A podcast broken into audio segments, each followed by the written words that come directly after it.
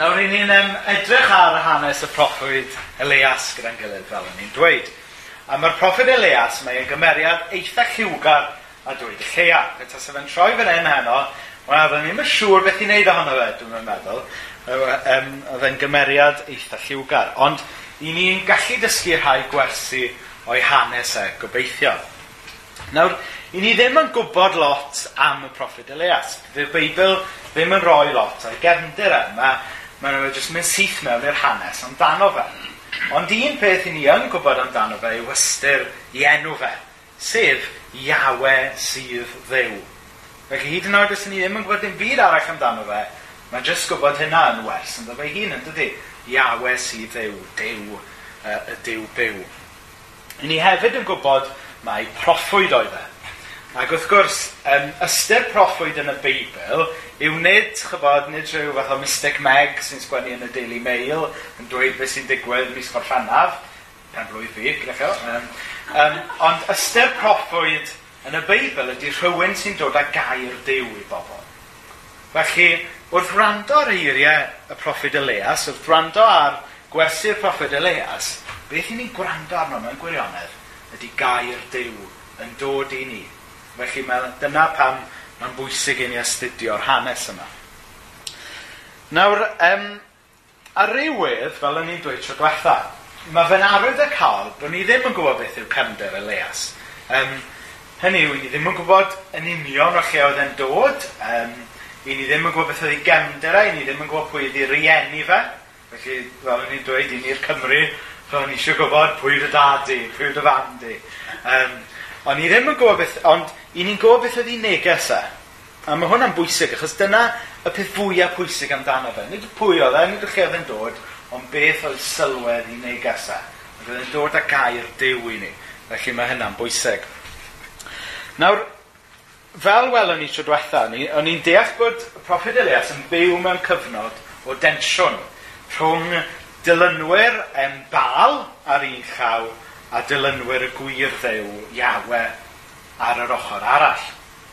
Ac oedd e'n gyfnod lle oedd pobl wedi mynd i goelio rhyw fath o lobsgws o grefydd.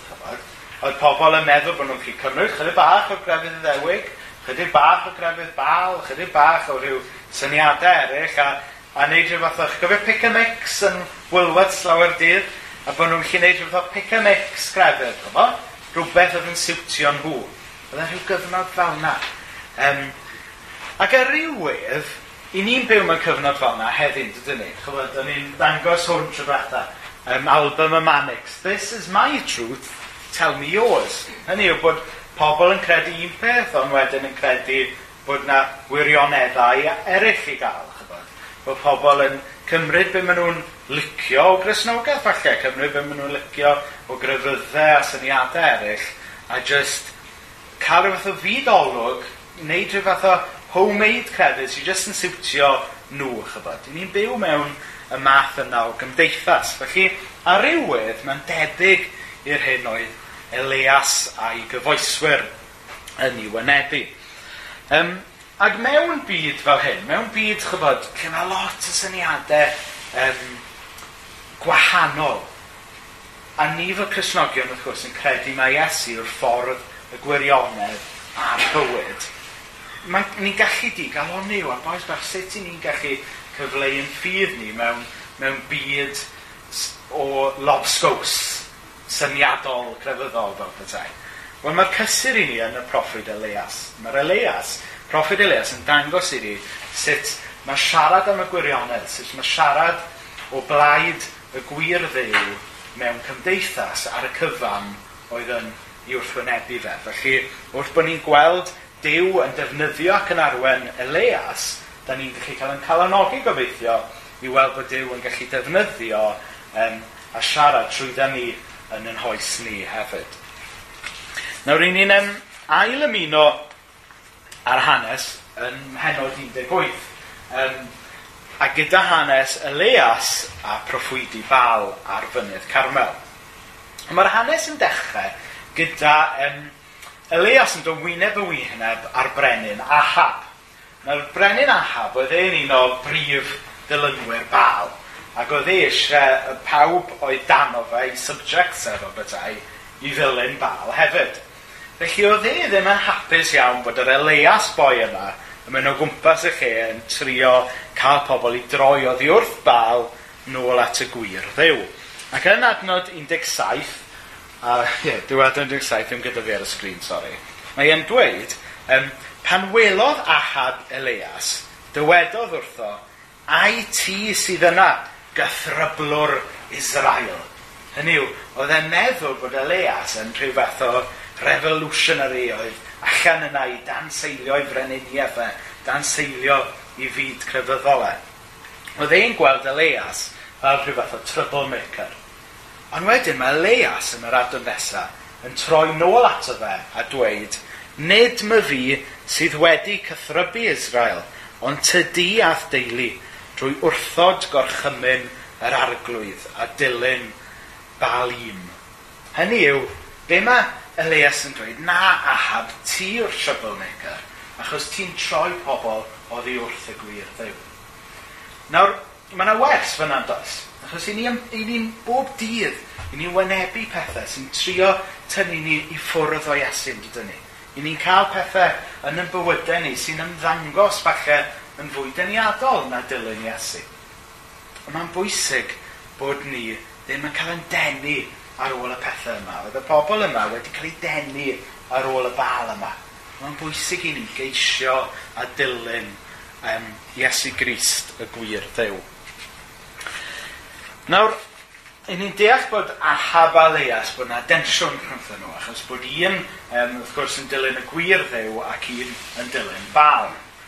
Ac, a mae'r holl densiwn yma nawr, yn yr rhan i ni am edrych nawr, yn dod i'r boiling point fel petai. Ac i fi'n dychmygu hwn yn ymhen, fel rhyw fath o olygfa mewn ffilm western, chybod. Fel, chi dychmygu'r ddau cowboi yma yn y salŵn, chybod. A mae'n dechrau, chybod, Jyst maen nhw'n sibro drwy bethau caled. Tyfod, this is my town. No. But, what are you saying? My father's been here long years. So, wedyn maen nhw'n sibro. A wedyn maen nhw'n dechrau gweiddi ar ei gilydd. Wedyn mae'r byrddau'n troi, a peth nesaf maen nhw tu allan y sylw'n Dwng, a'r gynnau allan, tyfod. A, a rhyw fath o rhywbeth fel un sy'n digwydd fan bod, bod nhw wedi dechrau bant jyst yn galw enwau ar ei gilydd o'r bethau.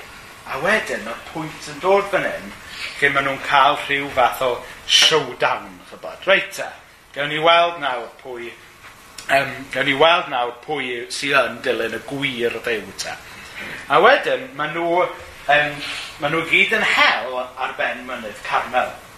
Wrth gwrs, mae gyda ni bentre jyst lawr y lôn sydd wedi cael ei enwi ar ôl y, yr hanes rhyfeddol yma, sydd, fel passing comment, yn yn atgoffa ni gymaint o ddylanwad mae'r ffydd grisnogol a'r Beibl wedi cael ar Gymru yn y gorffennol yn dyfa. Hynny yw, ni werthforogi a diolch i ddew am hynny, ond yn gweddi ni yw bod yn dod nôl yn wir yn dyfa, ond beth bynnag am hynny. Nawr, yn adnod 21, um, uh, dyma Elias yn sefyll o flaen y bobl i gyd a gofyn iddyn nhw, am faint mwy dych chi'n mynd i eistedd ar y ffens, neu yn yr hen gyfieithiad. Pan ddaeth Elias at yr holl bobl, gyfynodd, pa hyd yr ydych yn cloffi rhwng dau feddwl? Os yr arglwydd sydd yw, dilynwch ef, ac os bal, dilynwch hwnnw. Nawr fel o'n i'n dweud, ar y pryd, oedd, oedd rhan fwyaf o bobl yn neud y busnes pick a mix yma. Fe nhw'n dal yn dilyn rhyw faint o'r grefydd y ddewig, ond yn nhw'n dilyn hefyd chydig bach o crefydd bal um, o'n nhw'n llunio crefydd oedd yn siwtio nhw. O'n nhw'n bobl grefyddol iawn, ond eto heb argoeddiadau dwfn yn eich ffordd, chybod. O'n nhw'n, fel mae'r cyfieithiad modern yn dweud, o'n nhw'n rhyw fath o professional fence sitters, chybod. O'n nhw'n jyst yn iste ar y ffens, ddim yn fodlon cymitio yn aill ffordd. A mae'r proffwyd um, Elias yn dweud wrth nhw bod hwn ddim yn dderbyniol. Hynny yw, dydy ista o ffens lle mae'n dod i'ch berthynas chi gyda Dyw ddim yn, ddim yn tycio. Hynny yw, mae rhaid dewis. Mae rhaid chwn ni ddim ista ar y ffens. Ni'n chi ista ar y ffens ynglyn â pa ddyn pildroed ni'n cefnogi. Chwn ni ista ar y ffens ynglyn â pwy ni'n mynd i fotio gosto. Ond mae yna un peth na ddylen ni ista ffens a ystar ar y ffens amdano fe. A hwnna yw lle i ni'n sefyll gyda Dyw. A mae Elias yn gosod yr her yma i'r bobl yma ar fynydd Carmel. Ond beth sy'n drawiadol ydy bod y bobl jyst i rhewi a ddim yn gwybod beth i ddweud. Dyn ni'n gweld diwedd yr adnod. Fy wedodd neb yr un gair. Felly pam... Hynny, mae Elias wedi gosod yr her, ond wedyn maen nhw jyst ddim yn dweud yn byd. Hynny, mae'n bosib bod rhai jyst eisiau deall mwy, dyfod. Mae'n bwysig i ni esbonio ffydd i bobl. Ond mae'n siŵr bod yna rai, chybod, yn gwybod deep down mae Iawe oedd y gwir ddew, ond bod nhw falle'n rhy gyfforddus i byd. Bod yna falle pechodau yn ei bywydau nhw, dyn nhw ddim eisiau troi cefnodd arnyn nhw. Felly maen nhw jyst yn ystod y ffens. A mae hynna'n gallu bod yn wir amdano ni, ydy? Fel, ni'n gwybod mae dilyn Iesu i fod wneud. Ni'n gwybod bod Iesu wedi marw dros yn pechodau ni.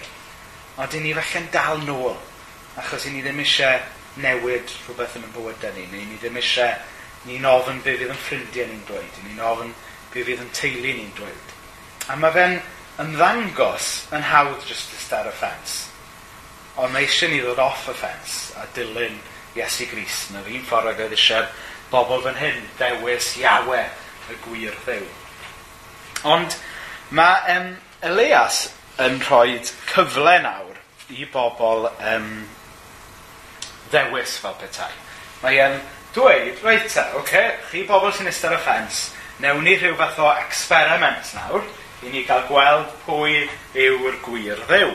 Um, gewch chi alw ar bal, a na i alw ar y niw i, A pa bynnag ddew sy'n ateb, fydd y gwir ddew. Chi'n gen? A maen nhw'n dweud, ie, yeah, syniad dda, good plan, chyfod. Ac mae, mae e'n drawiadol bod nhw wedi cytuno, chi'n gweld adnod uh, ar y top yna. Um, bydd y Dyw sy'n anfon tan yn dangos mai fe ydy'r Dyw go iawn, a dyma'r bobl yn ymateb syniad da, iawn. Hynny yw, mae ffolineb nhw yn drawiadol fyna, dywe. Hynny yw, o'n nhw mor mewn i'r twyll a'r celwydd yma am bal, i'r pwynt o'n nhw methu meddwl yn straight. Chi'n deall beth da fe? Um, a fi'n cofio, yn cofio mae mam wastad yn dweud, um, mae modd bod yn ddidwyll o anghywir yn does. a dyma beth oedd yr dilynwyr bawb yn hyn. Dyma, o'n nhw'n hollol cyfens bod nhw'n iawn, ond nhw'n hollol ddidwyll, mae'n siŵr. Ond tristwch y sefyllfa oedd bod nhw'n anghywir, bod nhw'n dilyn dew ffug, dew oedd ddim yn bodoli. Felly, maen nhw'n mynd ati wedyn, reit, ei osod y tarw yma ar ben y tân ac, ac i alw dew, i dew nhw i, i ddod â tân i lawr. A mae'n drawiadol sut maen nhw yn galw arno fe. Um, hynny yw, mae'n ma, ma, dweud bod nhw'n galw arno fe o'r bore hyd hanner dydd. Mae'n dweud bod nhw'n dansio o gwmpas ar achor. Chi'n gweld yr pantomime ma nawr, dydych chi? Dwi ddim yn mynd i gael, ddim ni i bethau cael dansio rhwng fan hyn, okay? Os fydd na, galwch y doctor yna. Um, a wedyn maen nhw'n galw yn uwch. A wedyn maen nhw'n anafu eu hunain gyda cyllill a ffecallau. Hynny yw, maen nhw'n fodlon trio popeth. Hynny yw, i gael i dew nhw i ateb. A beth sy'n drawiadol fan hyn yw, maen nhw yn meddwl mae bod y cyfan yn dibynnu ar beth maen nhw yn gwneud. Hynny yw, os mewn nhw alw yn uwch beth dew yn ateb, os mewn nhw ddamsio yn fwy ffansi wneud dew ateb, os newn nhw anafu hunain yn fwy caled wneud dew ymateb. A mae hwnna wrth gwrs y gwrthwyneb i'r dew go iawn, ydy pan i ni'n troi at ddew, dyw e ddim yn dibynnu ar beth da ni yn neud, beth da ni'n gallu neud. Mae'n dibynnu ar beth mae Iesu wedi wneud drosto ni. A mae'n anhygoel yn dydy'r gwahaniaeth yma rhwng crefydd bal a chrysnogaeth. Hynny yw bod y grefydd yma, a lot o grefyddau sydd o gwmpas heddi, i ynglyn â ymdrech dyn yn dydy, i fyw mewn rhyw ffordd arbennig, i addoli mewn rhyw ffordd arbennig.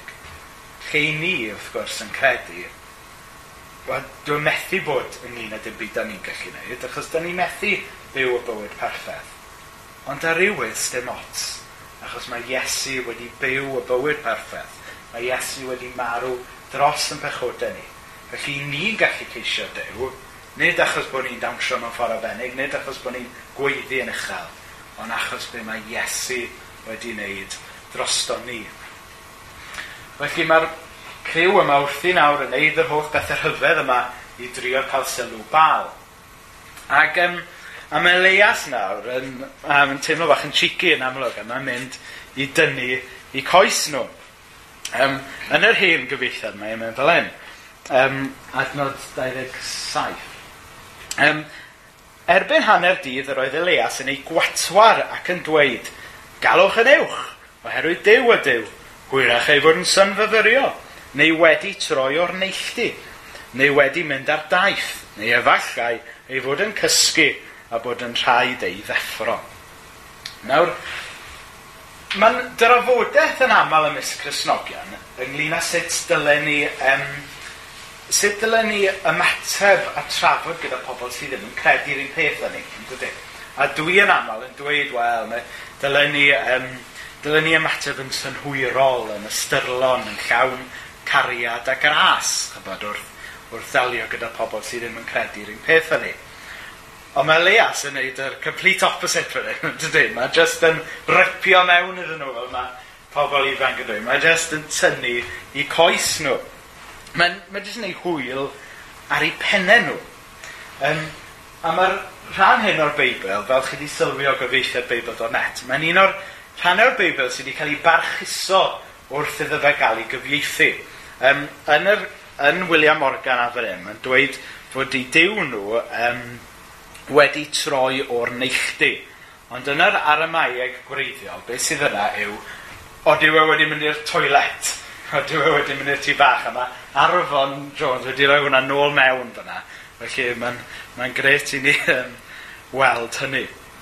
Um, hynny mae e'n Mae e'n neud hwyl ar ei pennau nhw, so mae'n dangos bod Elias yn dipyn o gymeriad, ydy, a bod o'n dipyn o dynw'r cwrs. Felly dyna ni, mae nhw yn galw ar bal, a dydy bal ddim yn ateb. Nawr, mae yn dro Elias i alw ar ei ddewe o adnod um, 36 ymlaen.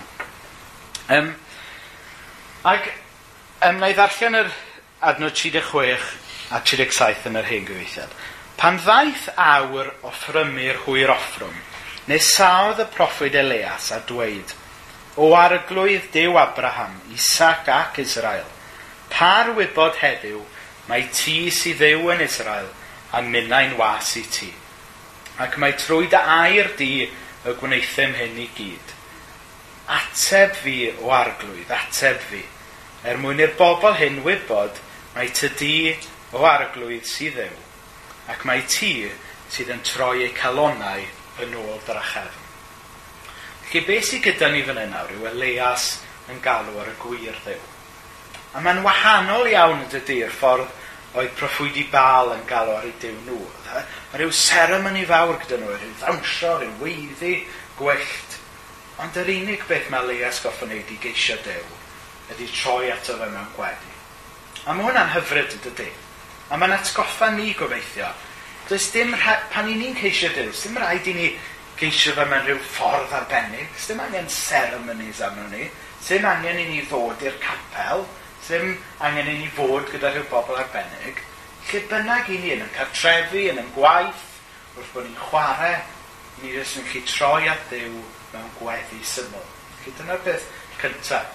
Yr crefydd eraill mae yma, angen rhyw ceremonies a rhyw pomp i geisio dew. Yn y ffydd grisnogol yn syml iawn, i ni'n chi troi at ddew mewn gweddi, union fel i ni'n troi i siarad gyda rhywun arall.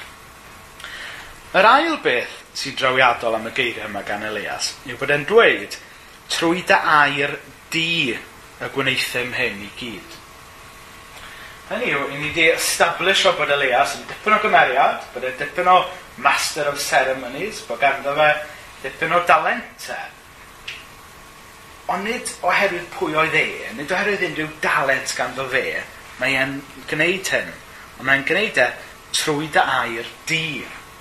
A mae hynna'n bwysig i ni gofio hefyd, chmod, bod ni yn byw yn bywydau fel Cresnogion, bod ni yn byw yn bywyd fel eglwys. I ni ddim yn gwneud e allan o nerth ni, ni ddim yn gwneud e allan o unrhyw dalentes gyda ni, neu unrhyw beth gyda ni, da ni'n byw yn bywyd fel Cristion, trwy air ef. Hynny yw, ni'n byw i ddew, ni'n gadael i air dew arwen yn bywydau ni. A mae hynna'n hyfryd. Achos pan ni'n trio byw bywydau, pan ni'n trio byw bywyd fel eglwys ar y nerth ni yn hunain, neu'n talentau ni yn hunain, wel ni'n rhedeg allan o stem yn dydyn ni, ni'n blino, ni'n torri lawr. Wel, ni ddim fod wneud yn y nerth ni yn hunain, ni'n fod gweithio trwy air ac yn nerth gair dew. A dyna mae Elias yn gwneud yn hyn. Y trydydd peth am geiriau Elias fan hyn yw bod ni'n dod i ddeall rhywfaint am gymhelliant Elias yn adnod 38 yn credu. Yn 37, ateb fi o arglwydd, ateb fi, er mwyn i'r bobl yma wybod mae ti ydy'r Dyw go iawn, y dyfod ti neu troi nhw nôl atat ti. I ni'n deall rhywfaint am gymhelliant a calon Elias fyna. Calon a cymhelliant cenhadol sydd gyda fe tu ôl yr holl ffas yma ar fynydd Carmel. Hynny yw, oedd e ddim eisiau dew i at y drwy dan er mwyn iddo fe gael bragging right, a dweud, na ni, told you all along, fi oedd yn iawn, y new i yw'r iawn. Oedd e ddim eisiau dew ateb jyst er mwyn iddo fe gael, tybod, yr upper level, bod bethau. Oedd e eisiau dew i ateb er mwyn i'r bobl oedd ar goll, er mwyn i'r bobl oedd ar y ffens, weld mae y Dyw go iawn oedd y gwir Dduw. Oedd eisiau Dyw ddangos i hun er mwyn i fwy o bobl ddod i adnabod Dyw. A dyle hwnna fod y wir amdano ni hefyd. Yn yw i ni eisiau Dyw i symud yn y dref yma, i ni eisiau Dyw symud fwy yn yr eglwys yma, nid er mwyn i ni allu dweud, wel, yna chi eglwys, ffansi sy'n Cersalem, ydych chi fynd sy'n bethau Cersalem, wel, a ni ddim eisiau Dyw i weithio er mwyn i ni, a chi, wel, told you so, wedys i bod Iesu Grist yn dipyn o foi. Yn i'w, i ni eisiau Dyw ddangos i hun er mwyn i bobl wedi adnabod Iesu, dydyn ni.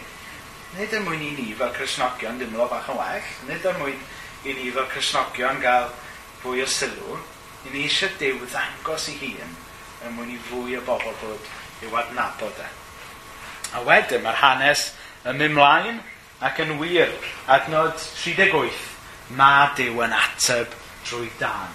Yn sydyn, dyma dan yn disgyn oddi wrth yr arglwydd a llosgi'r offrwm, y coed, y cerig a'r prif, a hyd yn oed sychu'r dŵr oedd yn y ffos. Felly mae Dyw yn ateb drwy dan. So'r gwestiwn yw, oeddi Dyw yn ateb drwy dan heddiw? Nawr, mae rhai pobl yn credu bod yn llythrenol yn dal yn ateb drwy dan. Mae gyda fi ffrind, dwi wedi dweud yr hanes yma, o blaen dwi'n meddwl, um, Andy Ollerton yw i enw fe, oedd yn weinidog yng Nghernyw, ond mae'n byw yn Llundain nawr. Ac oedd yna rhyw, yn, oedd yna rhyw wrachod yn gweithio yn y dreth lle oedd yn, um, lle oedd yn gweithio lle oedd yn weinidog. Ac, a pob dydd oedd yn pasio lle oedd y wrach yma'n gweithio ar y ffordd i'w swyddfa e. Ac oedd y wrach yma, chyfo, gweiddi, gwybod mae gweinidog Iesu Grist oedd e'n gweiddi rhyw bethau bygythiol ato fe. A oedd hyn yn digwydd dydd ar ôl dydd. Ac, um, ac un dydd, nath, nath Andy, oedd wedi cael digon, so nath e just gweddio dros di yn y fan o'r lle ar y stryd, chyfo, fel, wel, fel mae dilynwyr Esu Gris yn y Beibl, a, a gweddio byddai'r ysbryd drwg yn gadw llonydd iddi, a byddai, a byddai hi'n plygu enw Iesu Grist. A'r diwrnod wedyn, dyma'r adeilad lle oedd hi'n neud i'r gwaith yn cosgu lawr. Stori go iawn. A'i i Dyw yn ateb trwy dan oedd hwnna? Mae'n ddigon posib. Mae'n gwneud hynna yn y Beibl, felly dwi'n fodlon credu bod e dal yn gwneud pethau fel yna heddi. Ond i fi ddim eisiau neb i ddechrau gweddio nawr y bydd tanen torri mas dros Ganarfon. Please, peidiwch wneud hynna, achos, ie, yeah, dwi'n siŵr ond y gapel ddim yn cyfro fe. Na, na. Ond, Ond un lle arall lle mae Dyw yn ateb drwy dan heddiw yw gyda tan yr ysbryd glân. Hynny yw, nid tan cyffrenol, ond tan yr ysbryd glân. Hynny yw, mae pawb sydd fan hyn heno sydd wedi dod i gredu yn Iesu Grist. Wel, tan yr ysbryd glân yn gweithio yn eich calon chi. Oedd hwnna. Os oes rhywun yma heno wedi timlo rhyw alwad o'r newydd i ddilyn y gwasanaethu Iesu Grist, Wel, tan yr ysbryd glân yn dod mewn i chi, oedd hwnna. Ac os oes rhywun yma heno falle yn teimlo'n bell o ddew, mae gweddiwch y byd tan yr ysbryd glân yn eich llenwi chi o'r newydd. Achos yn yr hanes yma, i ni yn deall bod Dyw yn Dyw sydd yn ateb pobl sy'n ei geisio fe. I ni'n deall bod Dyw yn ateb drwy dan. Ac chi'n gweddi i heno yw yn bod ni gyd i ddechrau yn ateb her y proffwyd Elias ar y dechrau. Oedden ni'n cloffi rhwng dau feddwl.